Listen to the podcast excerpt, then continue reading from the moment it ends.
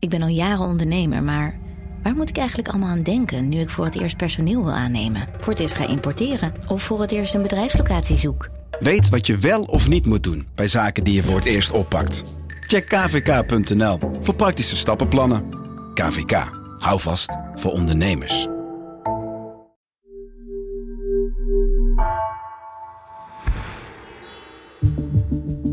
Vanaf de redactie van NRC het verhaal van dit jaar.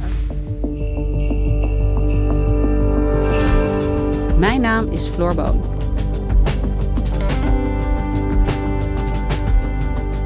Nu Poetin zijn belofte van economische voorspoed steeds minder goed kan waarmaken, neemt ook in Rusland de kritiek op zijn regime toe. Om dat de kop in te drukken, worden niet alleen belangrijke oppositieleiders het leven zuur gemaakt, ook gewone burgers en journalisten worden de mond gesnoerd. Steven Deriks, die na zes jaar correspondentschap terugkeerde uit Rusland, zag de repressie toenemen.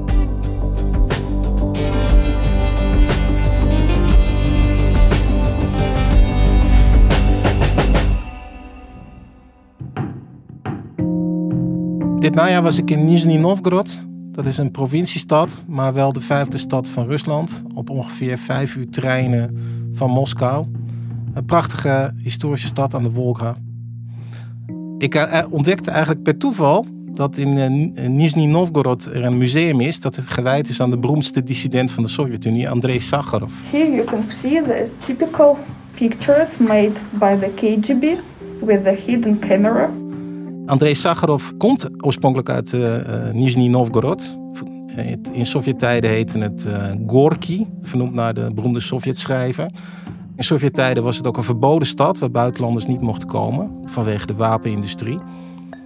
En in 1980, toen Sakharov ging protesteren tegen de, de invasie in Afghanistan door de Sovjet-Unie, toen is hij verbannen naar zijn geboorteplaats en woonde hij daar in een klein appartement in een buitenwijk.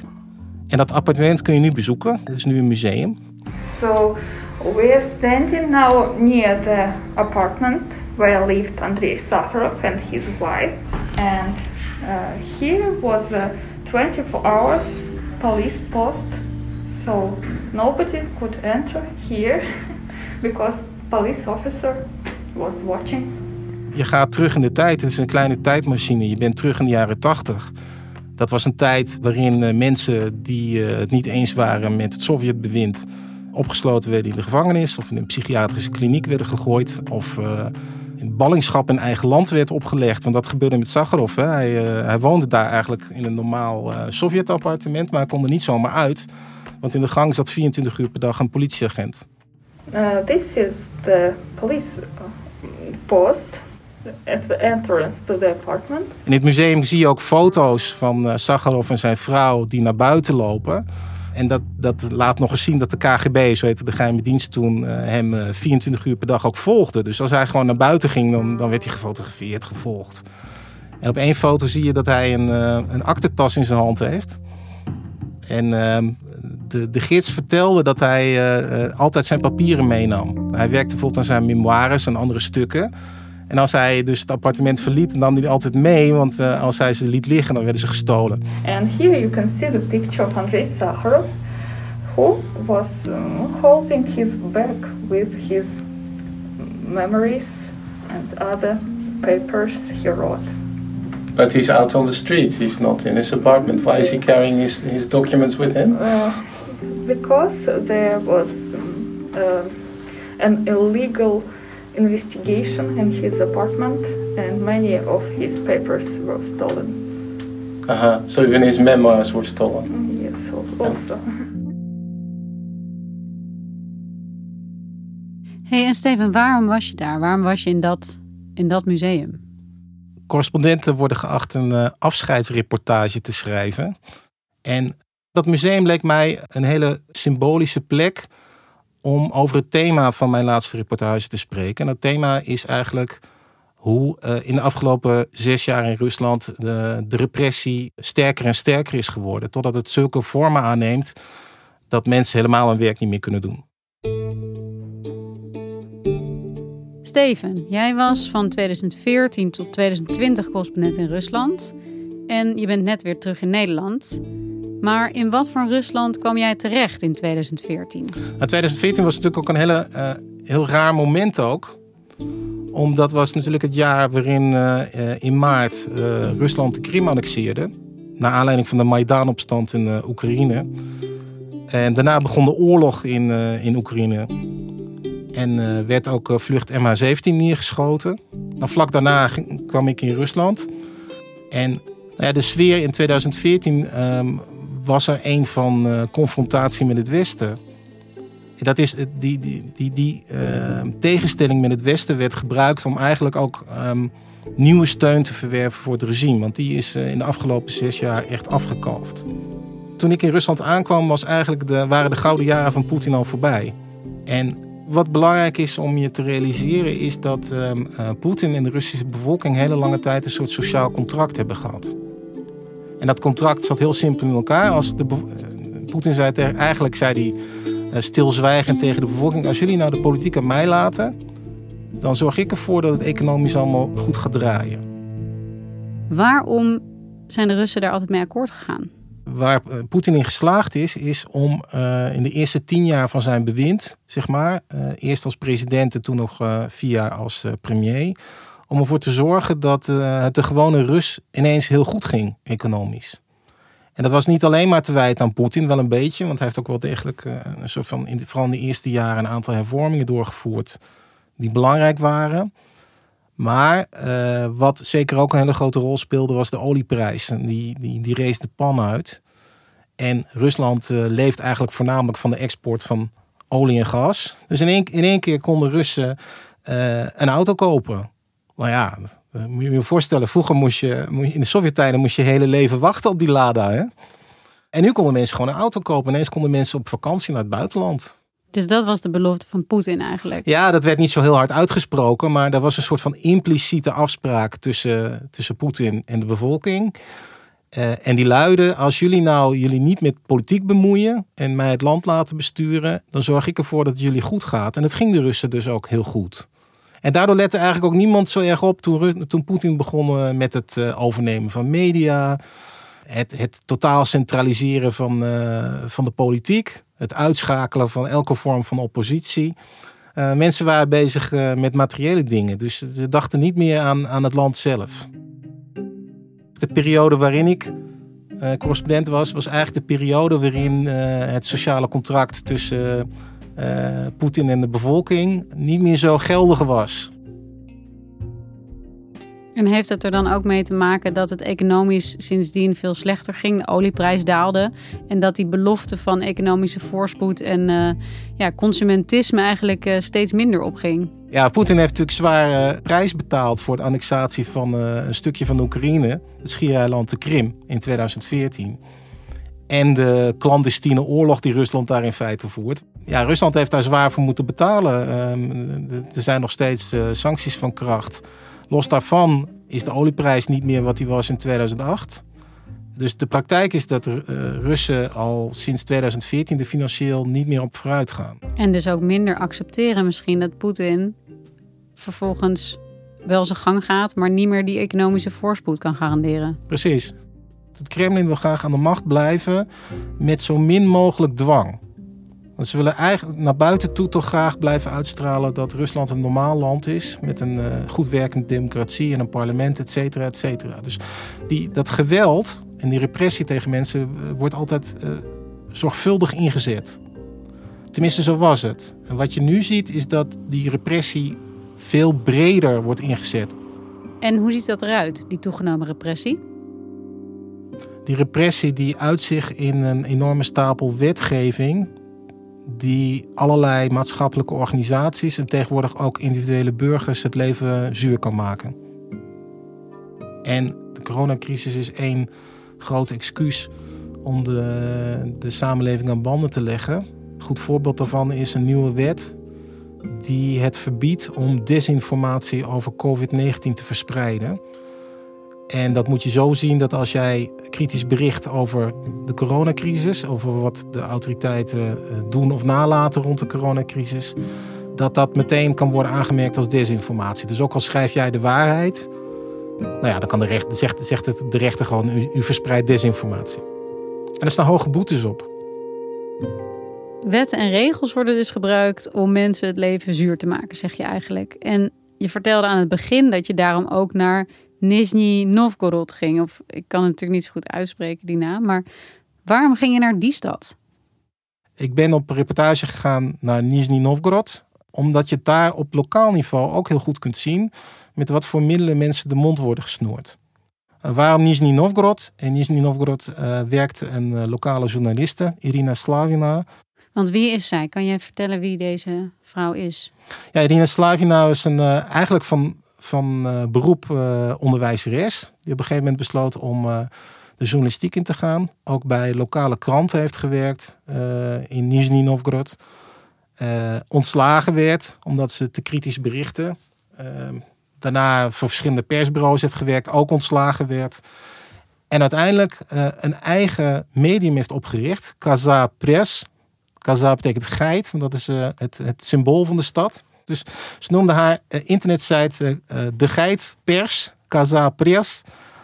En um, ze slaagde erin om binnen twee jaar het gezaghebbende medium van Nizhny Novgorod te worden. Met bijna elke week een onthulling over wat de autoriteiten nu weer hadden gedaan.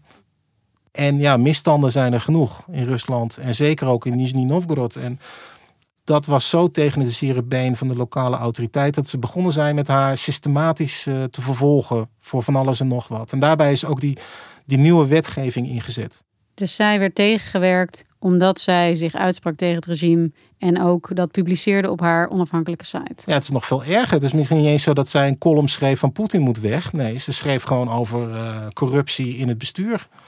Of uh, nepzaken tegen mensen die eigenlijk onschuldig zijn. Gewoon het normale journalistieke werk wat wij ook bij NRC Handelsblad doen. Dat is eigenlijk wat ze probeerden te doen. En daarvoor, uh, nou ja, daarvoor werd ze systematisch vervolgd. Dus ze, ze zetten gewoon alles wat ze hadden in om haar tegen te werken? Ja, ook nieuwe, nieuwe wetgeving. Um, er is in Rusland uh, bijvoorbeeld nu een wet die het beledigen van de autoriteiten strafbaar stelt. Dus uh, er was een een, um, een, uh, een, stadje in de buurt van Nizhny Novgorod had besloten om een uh, plaquette aan de muur te hangen, op te richten, of zo'n monument op te richten voor Stalin. En daar schreef ze kritisch over. Nou, dat leverde haar een rechtszaak op. Ze onthulde dat de overheid had zitten sjoemelen met de cijfers van coronaslachtoffers. Dat gebeurt in heel Rusland. Hè, dus de statistieken kloppen natuurlijk niet. zij bracht dat op lokaal niveau in kaart. En toen werd ze veroordeeld wegens het verspreiden van desinformatie over COVID-19. Wat is er met haar gebeurd? Is ze eh, in de gevangenis beland? Slavina heeft geen gevangenisstraf gekregen, maar werd dus wel voortdurend uh, gepest met rechtszaken en hele hoge boetes die ze zelf helemaal niet kon opbrengen. En er is ook huiszoeking bij haar gedaan in een hele grote nepzaak. Dat gaat dus niet op een vriendelijke manier. Er wordt niet vriendelijk aangebeld. Uh, mogen wij even bij u komen kijken? Nee, dat, je, die, je deur wordt ongeveer ingetrapt. En dan komen zwaar bewapende mannen met bivakmutsen over hun hoofd je huis in. En nou ja, dus dat. Ze werd heel hard aangepakt. En toen? Nou, uiteindelijk uh, wat mensen daar vertelden was dat dat de doorslag heeft gegeven. Dus dan, toen heeft ze, uh, is ze op, uh, in de middag van 2, 2 oktober is ze naar het, naar het hoofdbureau van politie in Nizhny Novgorod gegaan. Daar staat een beeldengroep van drie agenten uit verschillende tijdperken. Dus de tsaristische tijd, de Sovjet-tijd en de tegenwoordige tijd. Een soort van bankje. Daar heeft ze zichzelf aan vastgebonden en zichzelf overgoten met benzine en zichzelf in de brand gestoken.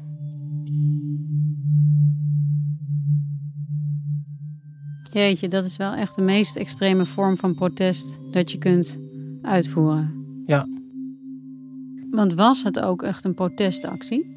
Dat is wel wat uh, haar vrienden en bekenden zeggen, ja. Ze heeft ook zelf uh, uh, op Facebook geschreven hè, dat zij de Russische Federatie verantwoordelijk houdt voor haar dood. Wat de dood van Slavina laat zien, is dat de repressie van het Poetinistische regime zich niet alleen beperkt tot de kopstukken van de Russische oppositie, zoals bij Alexei Navalny, maar dat ook uh, lokale journalisten die proberen op een normale manier hun werk te doen, het slachtoffer kunnen worden van een enorm apparaat dat zich uitstrekt van de, van de geheime dienst FSB tot aan de rechterlijke macht.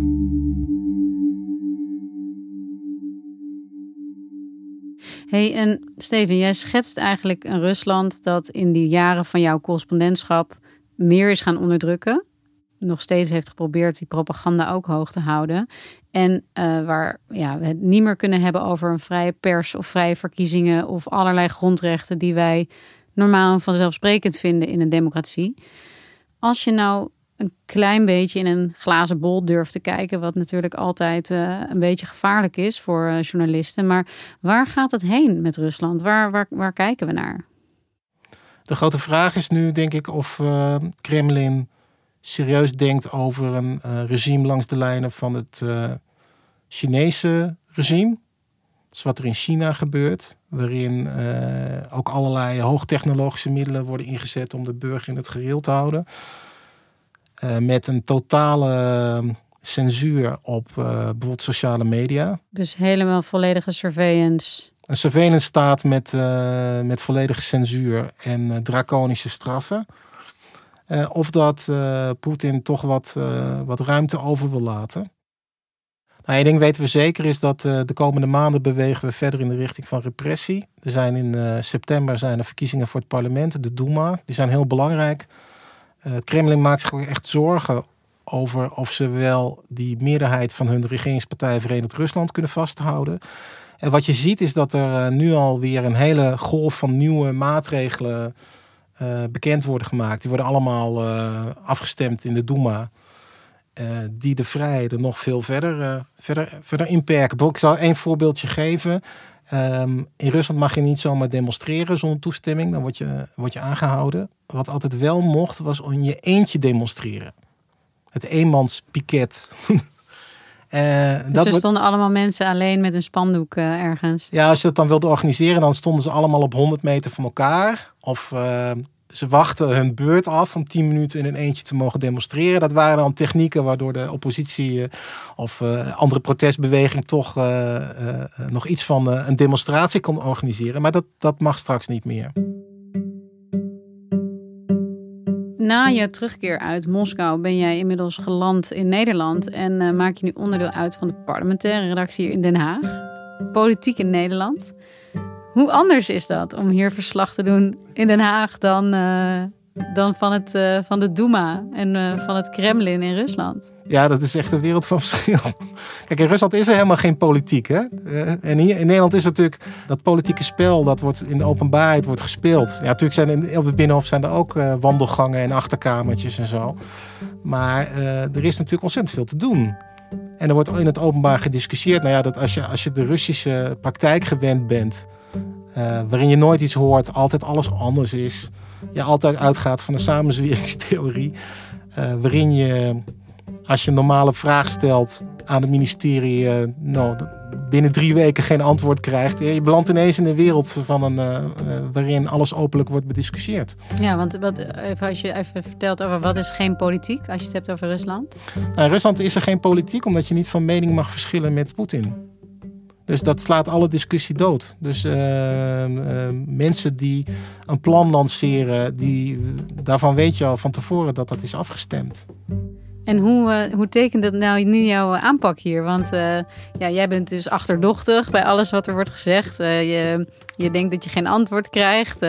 alles is een samenzwering. Kan je nog wel een beetje nuchter verslag doen hier in Nederland? Ja, ik moet wel een beetje winnen. Ik, ik, ik, tot mijn grote verbijstering werd ik ook meteen gebeld door Kamerleden. Van, we moeten toch maar eens een keertje afspreken. Nou ja, dat is echt een, een luxe. die, die, ja, dat is echt wennen na zes jaar tegenwerking. Nou, we gaan uh, hopelijk uh, allerlei nieuwe politieke scoops van jou lezen, Steven. Goed dat je weer terug bent en dankjewel. Graag gedaan. Je luisterde naar vandaag, een podcast van NRC. Eén verhaal, elke dag. Deze aflevering werd gemaakt door Misha Melita en Jeppe van Kesteren. Chef van de audioredactie is Anne Moraal. Dit was vandaag. Morgen weer.